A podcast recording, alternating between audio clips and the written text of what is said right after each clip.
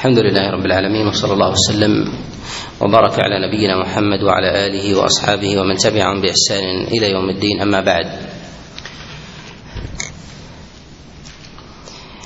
مما لا يخفى أن سنة النبي صلى الله عليه وسلم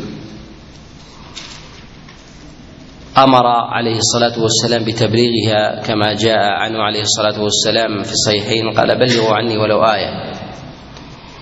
وينبغي أيضا للإنسان في حال بلاغه أن يحتاط في حديثه أن يحتاط في حديثه وأن يحترز حتى وإن صح حتى وإن صح المعنى. ولهذا فإن من أعظم الأعمال عند الله عز وجل قربانا من نقى سنة النبي صلى الله عليه وسلم من الدخيل فيها وأعظم الناس وزرا عند الله عز وجل من افترى على الله. من افترى على الله كذبا وعلى رسوله عليه الصلاة والسلام فإن النبي إنما هو مبلغ عن الله. فمن حدث عنه عليه الصلاة والسلام بشيء من الكذب فكأنما كذب على الله جل وعلا. وإنما كان موضع الخطورة في الكذب في الشريعة والافتراء على الله وعلى رسوله أن هذا يدخل في التشريع أن هذا يدخل في أبواب التشريع.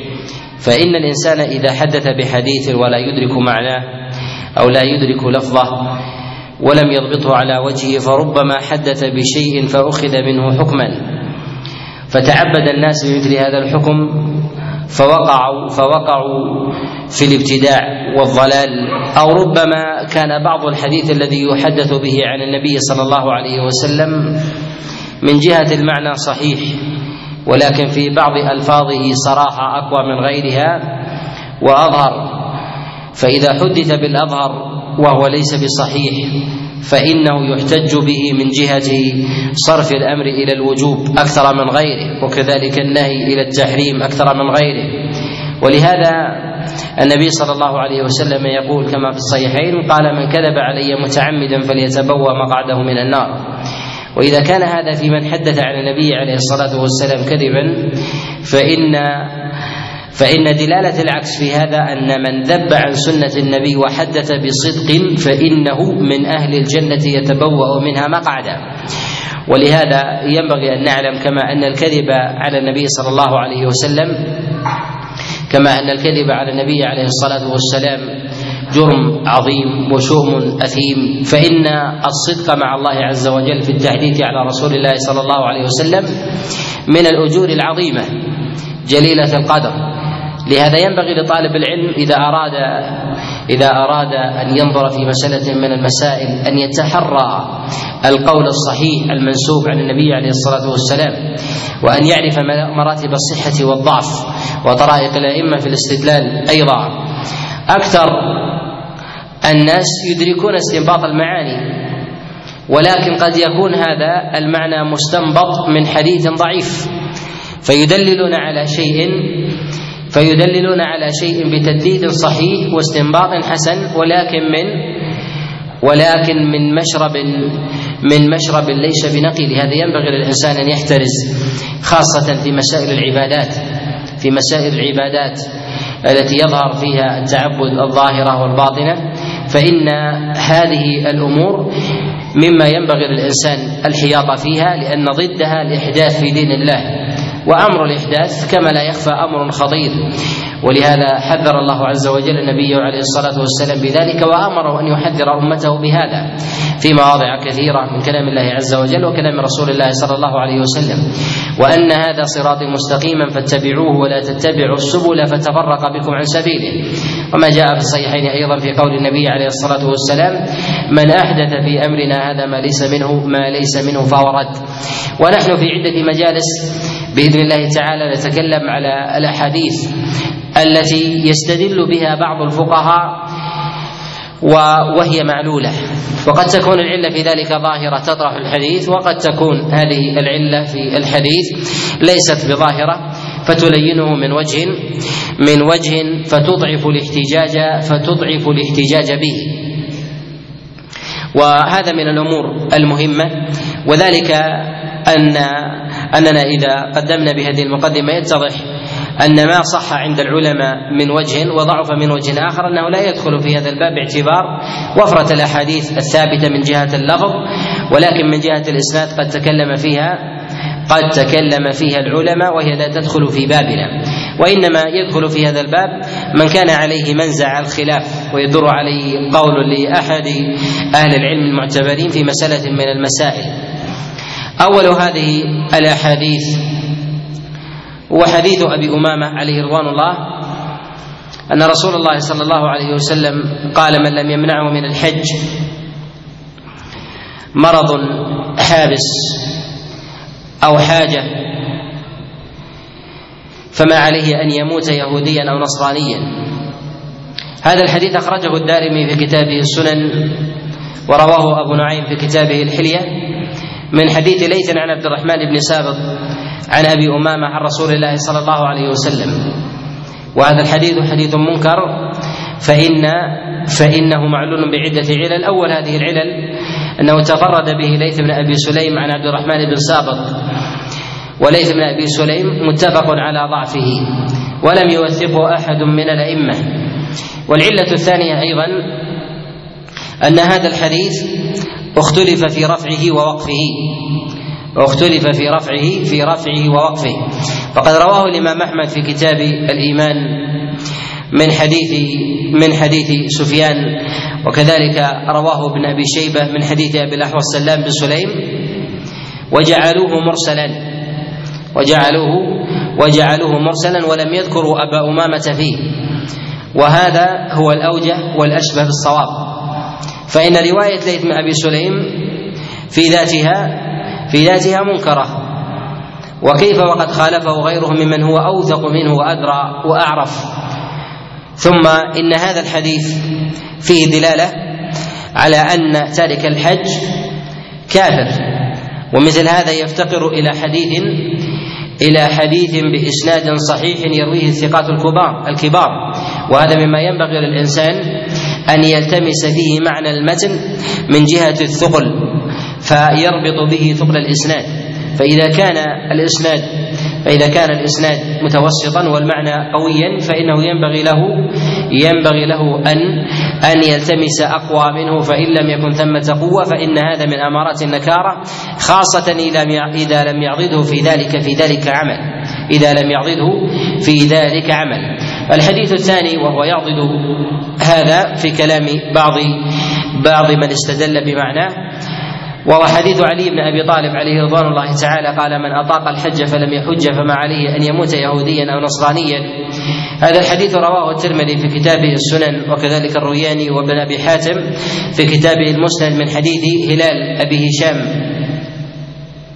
عن أبي إسحاق الهمداني عن الحارث عن علي بن أبي طالب عن رسول الله صلى الله عليه وسلم. وهذا الحديث حديث منكر أيضا معلول بعدة علل. أول هذه العلل هو تفرد هلال بهذا الحديث عن أبي إسحاق. ومعلوم أن أبا إسحاق مع كلام العلماء في بعض حديثه ان أن له اصحاب أن له اصحاب اصحابا كثيرا ويروون عنه يروون عنه أحاديثه. فتفرد هلال بن هشام تفرد هلال أبي هشام بهذا الحديث عن أبي إسحاق وهو مجهول. وقد قال في غير واحد من العلماء منكر الحديث كالبخاري رحمه الله. وقد أنكر عليه هذا الحديث وأورده في مناكير ابن عدي وكذلك أنكره عليه الترمذي رحمه الله في كتابه السنن لما أخرجه. كذلك أيضا فإن هذا الحديث يروى من حديث أبي إسحاق عن الحارث الأعور عن علي بن أبي طالب. أبو إسحاق هو السبيعي وهو الهمداني وهو من أئمة الرواية ولكنه موصوف بالتدليس وحديثه عن الحارث الأعور وحديثه عن الحارث الأعور متكلم فيه خاصة المرفوع خاصة المرفوع. والحارث الأعور يغلط ويهم. الحارث الأعور يغلط ويهم. وحديثه عن علي بن أبي طالب أيضا في المرفوع منكر. في المرفوع في المرفوع في المرفوع منكر. ونستطيع أن نقول إن الحارث الأعور في روايته للحديث في رواية الحديث عن علي بن أبي طالب أن هذا لا يخلو من أحوال. أولها المرفوع وهو أشدها ضعفا وهو مطروح وهو مطروح. إذا سواء صح الطريق إليه أو لم يصح. ثانيها ما كان ما كان موقوفا على علي بن أبي طالب فإن هذا إذا كان في الفرائض فإنه أحسن حديثه فإنه أحسن حديثه. فإن علي بن أبي طالب له أقضية في أمور الفرائض والحارث الأعور من أئمة من أئمة الفرض من التابعين وهو تابعي وهو تابعي فقيه في الفرائض.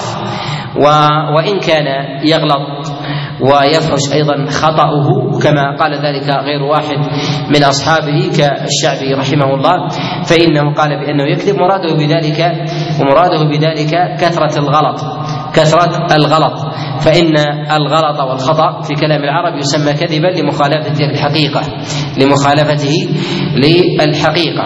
ونقول يلي هذه المرتبة هو ما يروى عن الحارث الأعور من قوله فهذا فقهه ما يروى عن الحارث الأعور من قوله فهذا فهذا فقهه وهذا الحديث وهذا الحديث هو حديث منكر.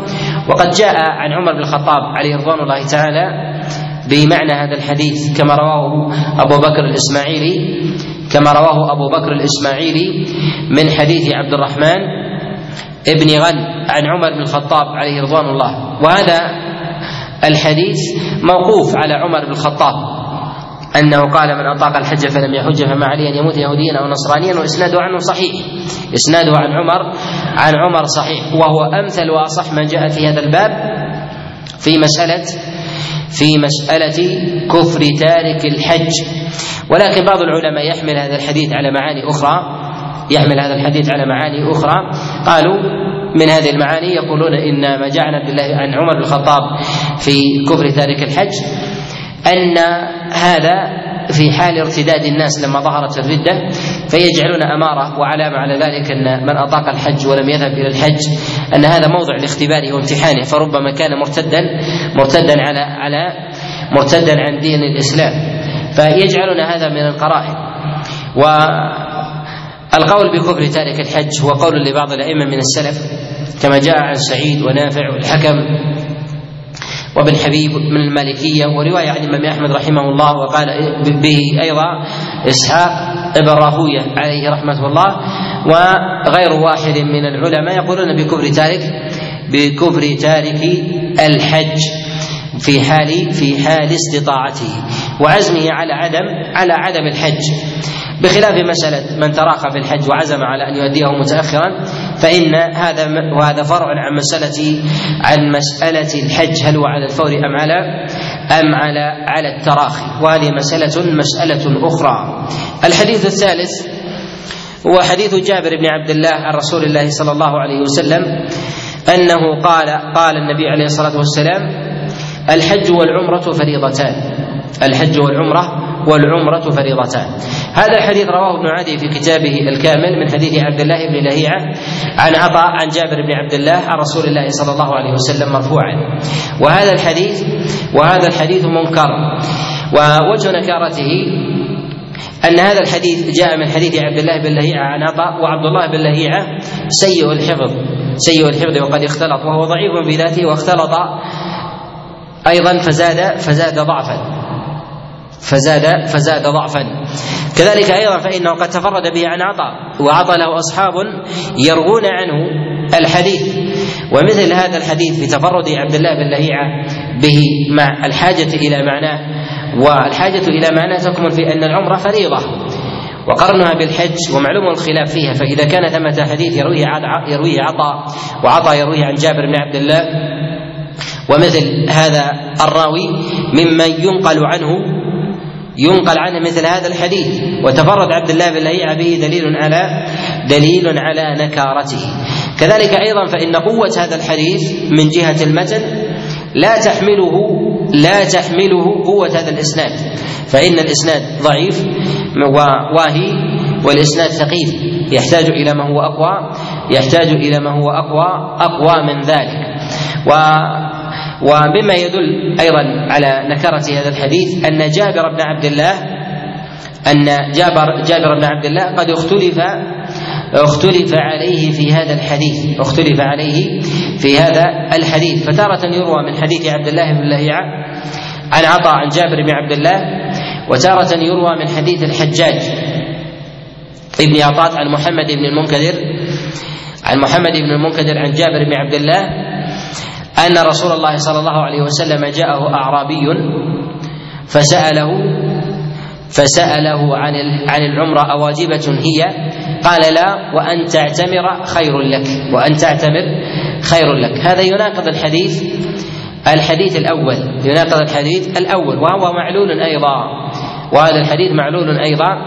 قد رواه الإمام أحمد رحمه الله وغيره من حديث الحجاج عن محمد بن المنكدر عن جابر وعلته في ذلك الحجاج فقد تركه غير واحد كما نص على ذلك ابن حبان فقال تركه يحيى وأحمد بن حنبل والبخاري وغيرهم. وهذا الحديث وهذا الحديث حديث منكر ويعرف من حديث ويعرف من حديث الحجاج عن محمد بن منكدر عن جابر بن عبد الله. قد أخرجه ابن علي في كتابه الكامل من حديث أبي عصمة نوح بن أبي مريم عن محمد بن منكدر عن جابر بن عبد الله. فتابع هنا فتابع هنا الحجاج بن أرضات تابعه أبو عصمة نوح بن أبي مريم. ونوح بن أبي مريم معروف بالترك. وكذلك الكذب متهم في حديثه. وكذلك أيضا ممن يتهم بسرقة الحديث. ممن يتهم بسرقة الحديث. فإنه يأخذ الحديث من أفواه الناس ثم يحدث به عنهم. ثم يحدث بهم عن أشياخهم. ويظهر والله أعلم أن نوح هنا في حديثه هذا قد سمع الحديث من الحجاج فحدث به عن محمد بن منكدر. وليست هي بمتابعة وليست هي وليست هي بمتابعة. ومن أراد أن ينظر إلى حال نوح بكثرة تركيبه للأسانيد يدرك أن مثل هذا الحديث في الأغلب في الأغلب أنه لم يسمعه أو لم يأخذه من لم يأخذه من محمد بن المنكدر عن جابر عن جابر بن عبد الله وإنما هو مداره على الحجاج. خاصة فإنه فإنه لم يذكر سماعا ولو ذكر سماعا فإنه متهم في حديثه. فإنه متهم فإنه متهم متهم في حديثه.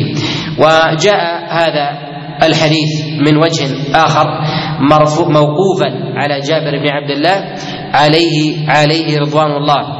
جاء من حديث أبي الزبير عن جابر بن عبد الله ولكن جاء بلفظ بلفظ آخر وهو وهو الفرض فرض العمرة وأنها وأنها واجبة.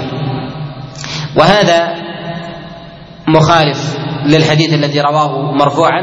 ومعلوم ومعلوم أن الحديث إذا جاء عن راو واحد مرفوع وموقوف ثم ثم صح هذا الطريق من جهة من جهة الموقوف فإن الموقوف يعل المرفوع.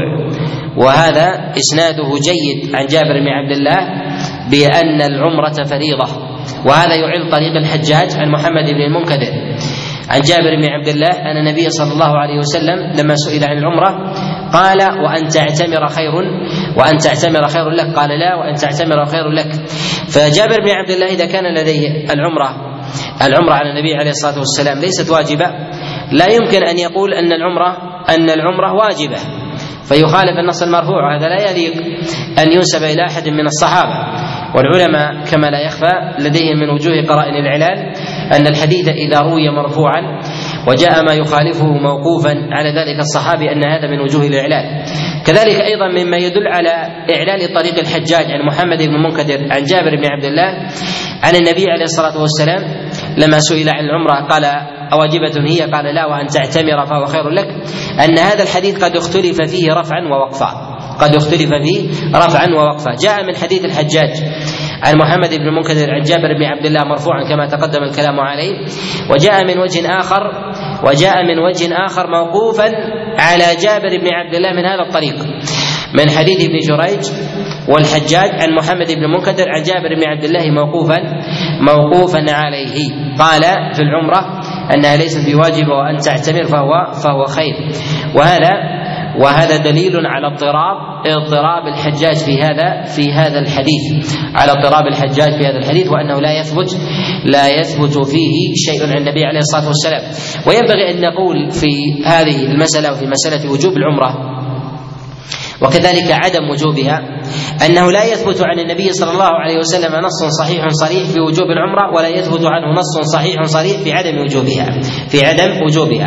والثابت في ذلك هو المشروعية والحث. جاء في حديث في حديث أبي رزين وأنه ان أن النبي صلى الله عليه وسلم قال حج عن أبيك واعتمر.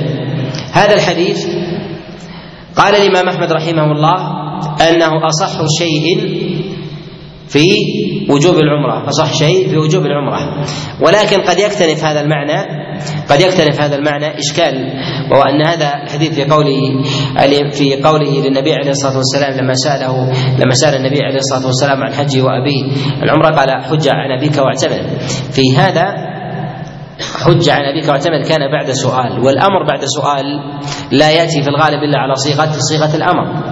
لا يأتي إلا على صيغة الأمر. فيأتيك شخص فيقول أريد أن أذهب إلى كذا. تقول ماذا؟ اذهب. فالصيغه تأتي إذا كانت بعد سؤال تأتي بصيغة الأمر. فهي الدلالة في الدلالة فيه ظنية وليست وليست بقطعية. نص غير واحد من العلماء على أنه لا يثبت في عدم وجوب العمرة عن النبي عليه الصلاة والسلام خبر؟ والاحاديث الواردة في هذا في هذا معلولة وقد تقدم الإشارة تقدمت الإشارة إليها ويأتي إلى في في هذا شيء منها بإذن الله. الحديث الرابع هو حديث زيد بن ثابت عليه رضوان الله أن رسول الله صلى الله عليه وسلم قال الحج والعمرة فريضتان لا يضرك بأيهما بدأت لا يضرك بأيهما بأيهما بدأت هذا الحديث. جاء رواه الإمام أحمد في كتابه المسند ورواه ابن ماجه من حديث محمد بن كثير عن إسماعيل بن مسلم عن محمد بن سيرين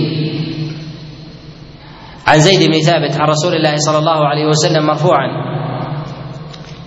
وهذا الحديث مما أنكره الأئمة. مما أنكره أنكره الأئمة. فإنه تفرد به محمد بن كثير يرويه عن إسماعيل بن مسلم. وهؤلاء في حديثهم لين. وإن كانوا في دائرة الصدق وقد تفردوا بهذا الحديث عن محمد بن سيرين عن زيد بن ثابت. وكذلك أيضا من وجوه الإعلان ما ذكر ما ذكر عن يحيى بن معين أنه قال إن سماع محمد بن سيرين من زيد بن ثابت قديم قال سمع منه وهو صغير.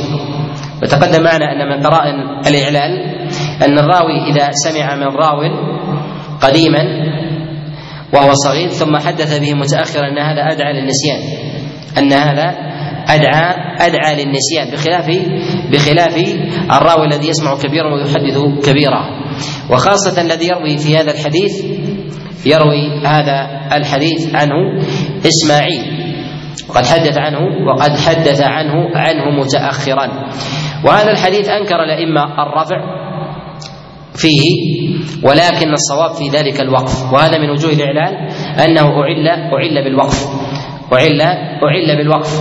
أخرج هذا الحديث أخرج هذا الحديث الدار قطني والحاكم والبيهقي من حديث هشام بن حسان عن محمد بن سيرين عن زيد بن ثابت من قوله وهو صح.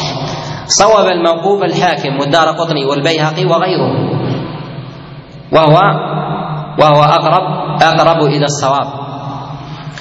وهذا يكون من قول زيد زيد بن ثابت لا من قول رسول الله صلى الله عليه وسلم. الحديث الخامس نعم. السادس. نعم خامس. نعم. الحديث الخامس هو حديث عائشة عليه رضوان الله تعالى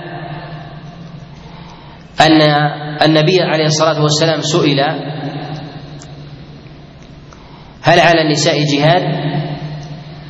فقال عليه الصلاة والسلام نعم عليهن جهاد لا قتال فيه الحج والعمرة. عليهن جهاد لا قتال لا قتال فيه الحج والعمرة. هذا الحديث أخرجه الإمام أحمد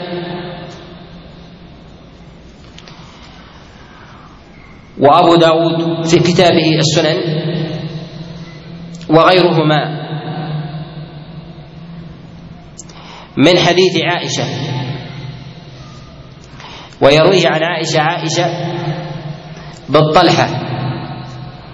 ويرويه حبيب بن أبي عمرة عنها. وقد وقع في هذا الحديث اختلاف. وقد وقع في هذا في هذا الحديث اختلاف. يرويه محمد بن فضيل وذكر فيه العمرة. ورواه البخاري في كتابه الصحيح عن جماعة من الرواة عن حبيب ولم يذكر فيه العمرة وذكر الحج. رواه البخاري من حديث خالد بن عبد الله الواسطي وعبد الواحد بن زياد وسفيان الثوري كلهم عن حبيب به أن النبي صلى الله عليه وسلم قال عليهن جهاد لا قتال فيه الحج وما ذكر العمرة. ومحمد بن فضيل في روايته لهذا الحديث وتفرده به أمارة على نكارته مع ثقته مع ثقته وعدالته وهذا لعدة قرائن. من هذه القرائن أن محمد بن فضيل متأخر. ومثل هذه الطبقة ينبغي ألا تنفرد برواية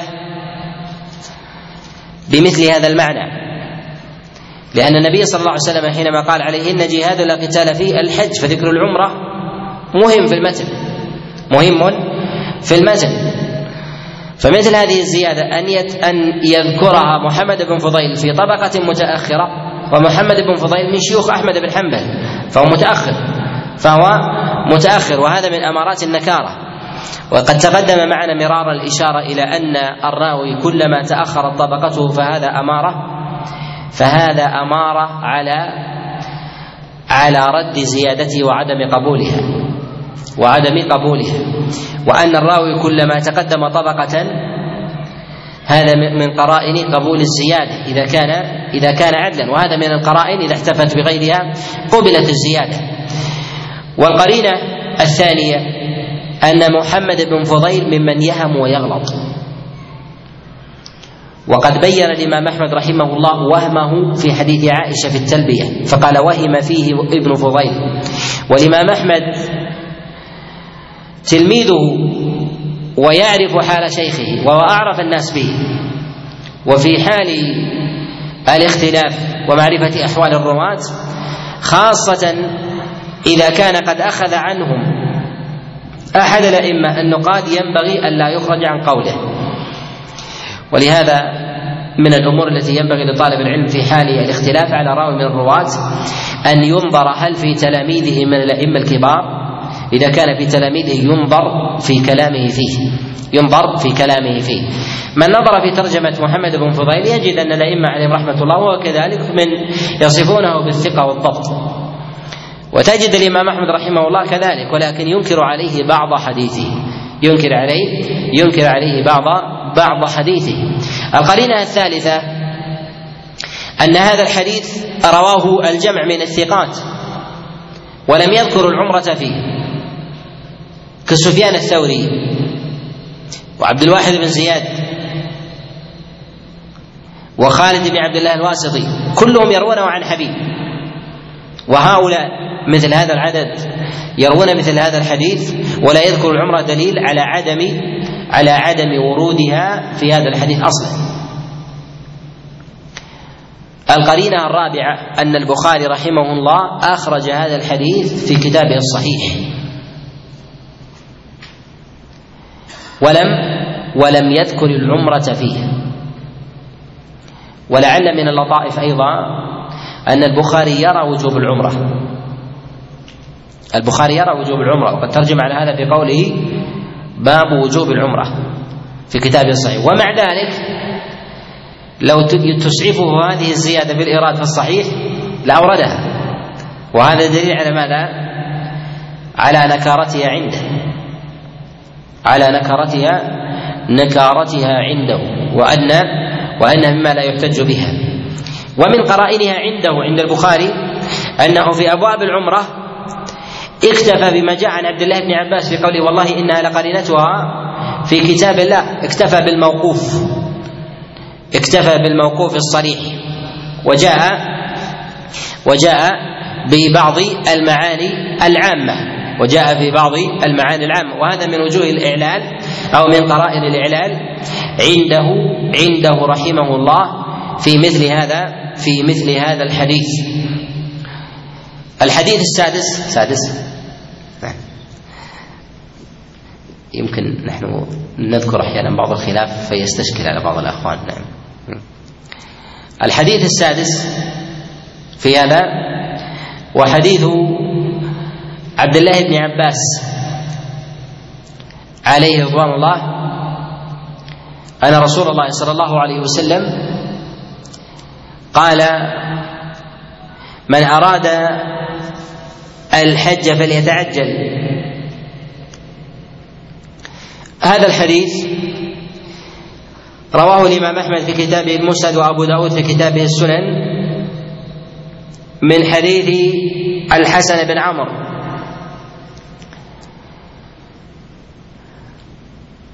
عن مهران أبي صفوان عن عبد الله بن عباس عن النبي صلى الله عليه وسلم. وهذا الحديث وهذا الحديث حديث ضعيف.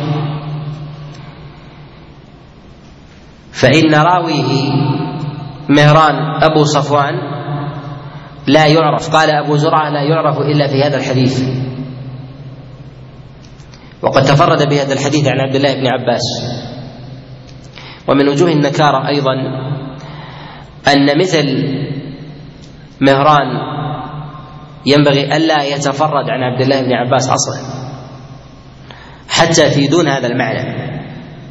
فعبد الله بن عباس هو أوفر الصحابة أصحابا من الفقهاء الثقات. وثمة مسألة في مسائل الإعلال وهي أن طالب العلم في أمور العلل في أمور العلل ينبغي له أن ينظر إلى وفرة تلاميذ الشيخ فكلما كثروا وتعددوا ضاق عليه ضاق على المنفرد باب التفرد. وإذا قلوا قرب من جهة القبول وكلما كثروا أبعدوه. قد نقبل راوي عن شيخ يتفرد به وهو في ذاته مقل عنه ونقبل ولا نقبله عن شيخ وهو في ذاته مقل عنه. لماذا؟ لأنه لا يجد المزاحمة هناك ويجد المزاحمة هنا. لا يجد المزاحمة هناك ويجد المزاحمة المزاحمة هنا مثل عبد الله بن عباس يشدد فيه جدا أن يتفرد عنه راوي بمثل هذا المعنى. فمثل هذا لا ينبغي لا ينبغي أن يقبل. فخاصة في مسألة الأمر بالمبادرة بالحج وهذه مسألة خلافية معروفة في مسألة الحج هل الحج على الفور أم على التراخي؟ وهم يستدلون بحديث عبد الله بن عباس وحديث الفضل أيضا عليه رضوان الله في أمر النبي صلى الله عليه وسلم بالتعجيل من أراد الحج فليتعجل فإن الإنسان لا يدري ماذا يعرض يعرض له وقول النبي عليه الصلاة والسلام تعجلوا بالحج يعني يعني الفريضة وهذا من أمارات وهذا من أمارات الإنكار. الحديث السابع في هذا هو حديث عبد الله بن عباس عليه رضوان الله تعالى أيضا أن النبي صلى الله عليه وسلم أمر بالتعجيل بالحج. فقال من أراد الحج فليتعجل. هذا الحديث يرويه إسماعيل بن خليفة أبو إسحاق الملائي وقد تفرد به تفرد بهذا الحديث يرويه عنه سفيان الثوري عن إسماعيل بن خليفة عن سعيد عن عبد الله بن عباس. تارة يجعل من حديث الفضل عن عبد الله بن عباس عن الفضل وتارة يجعل من حديث عبد الله بن عباس. إسماعيل بن خليفة لين الحديث. لين الحديث. وظاهر صنيع الإمام أحمد رحمه الله أنه ينكر هذا أنه ينكر هذا الحديث.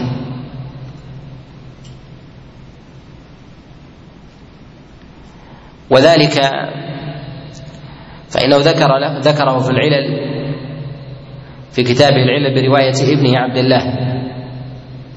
وألمح إلى المخالفة فيه. وألمح إلى إلى المخالفة المخالفة فيه. الحديث نعم. هذا الحديث أخرجه الإمام أحمد في كتابه السنن. وكذلك رواه الترمذي أيضا الحديث السابع ثامن الحديث الثامن وحديث أبي بكر ابن محمد بن عمرو بن حزم عن أبيه عن جده في كتابه الطويل. أن النبي صلى الله عليه وسلم قال العمرة واجبة. هذا الحديث رواه ابن حبان في كتابه الصحيح ورواه البيهقي والحاكم وغيرهم. من حديث سليمان بن داود عن الزهري عن أبي بكر بن حزم عن أبيه عن جده عن النبي صلى الله عليه وسلم. وهذا الحديث وقع فيه اختلاف في إسناده بين الإرسال والوصل. وهو معلول بعلل اول هذه العلل أن هذا الحديث يرويه سليمان بن داود. وسليمان بن داود قد اختلف فيه في ذاته هناك من ضعفه ولين حديثه. واختلف هل راوي الخبر هو سليمان بن داود فعلا أم ثمة خطأ في هذا الإسناد؟ فيرويه سليمان بن الأرقم عن الزهري. أكثر المحدثين على أن الذي يروي هذا الحديث هو سليمان بن الأرقم وليس سليمان بن داود. نص على ذلك أبو زرعة وصالح جزرة و ابن مندة وغيرهم ينصون على أن راوي هذا الحديث هو سليمان بن الأرقم وهكذا وجدوه في النسخ. بخط تلاميذه. أنه سليمان بن الأرقم وليس سليمان بن داود. والعلة الأخرى أن هذا الحديث لا لا يحتمل منه تفرد مثل حال سليمان سواء كان ابن الأرقم أو كان ابن داود. فسليمان بن الأرقم متروك الحديث. وهو مطروح وهو منكر الحديث جدا. وأما بالنسبة لسليمان بن داود فهو أحسن حالا منه مع ضعفه أنه لا يحتمل منه مثل هذا الحديث. لماذا لا يحتمل منه هذا الحديث؟ لأنه يرويه عن الزهري يرويه عن ابن شهاب الزهري وابن شهاب الزهري من الأئمة الرفع الثقات المدنيين الكبار. ومثل هذا الحديث بطوله ينبغي أن يرويه من هو أجل وأوثق من سليمان. أجل وأوثق وأوثق من سليمان. وتفرد سليمان بمثل هذا الحديث مع طوله وهو حديث طويل لكن شهده في بابنا أن النبي صلى الله عليه وسلم قال العمرة واجبة. هذا من علامات هذا من علامات الإنكار. الإنكار إنكار هذا هذا الحديث. ومن وجوه الإعلان في هذا الحديث أنه قد اختلف في وصله وإرساله. فإنه جاء من حديث يونس عن الزهري مرسلا. من حديث يونس عن الزهري مرسلا ولم يجعله موصولا. قال أبو داود في كتابه المراسيل روي موصولا ولا يصح. أبو داود رحمه الله إذا ذكر في كتابه المراسيل حديثا مرسلا فظاهره أنه يميل إلى إعلان الموصول في غيره. لماذا؟ لأن عادة النقاد الأوائل لا يلتفتون إلى الإرسال إلا إذا كان معتبرا. لا يلتفتون إلى الإرسال إلا إذا كان معتبرا. فإذا دونوا في كتب المراسيل فإن هذا علامة على اعتبارهم اعتبارهم لإرساله. ولهذا نقول إن كتاب المراسيل لأبي داود هو كتاب علل. كتاب المراسيل لأبي داود هو كتاب كتاب علل. فينبغي لطالب العلم أن يعتني به وأن يقارنه بغيره مما يوصل. وهل ينص؟ ينص على أن أبا داود رحمه الله أعله نقول لا حرج على طالب العلم أن يقول أخرجه أبو داود في كتابه المراسيل وظاهره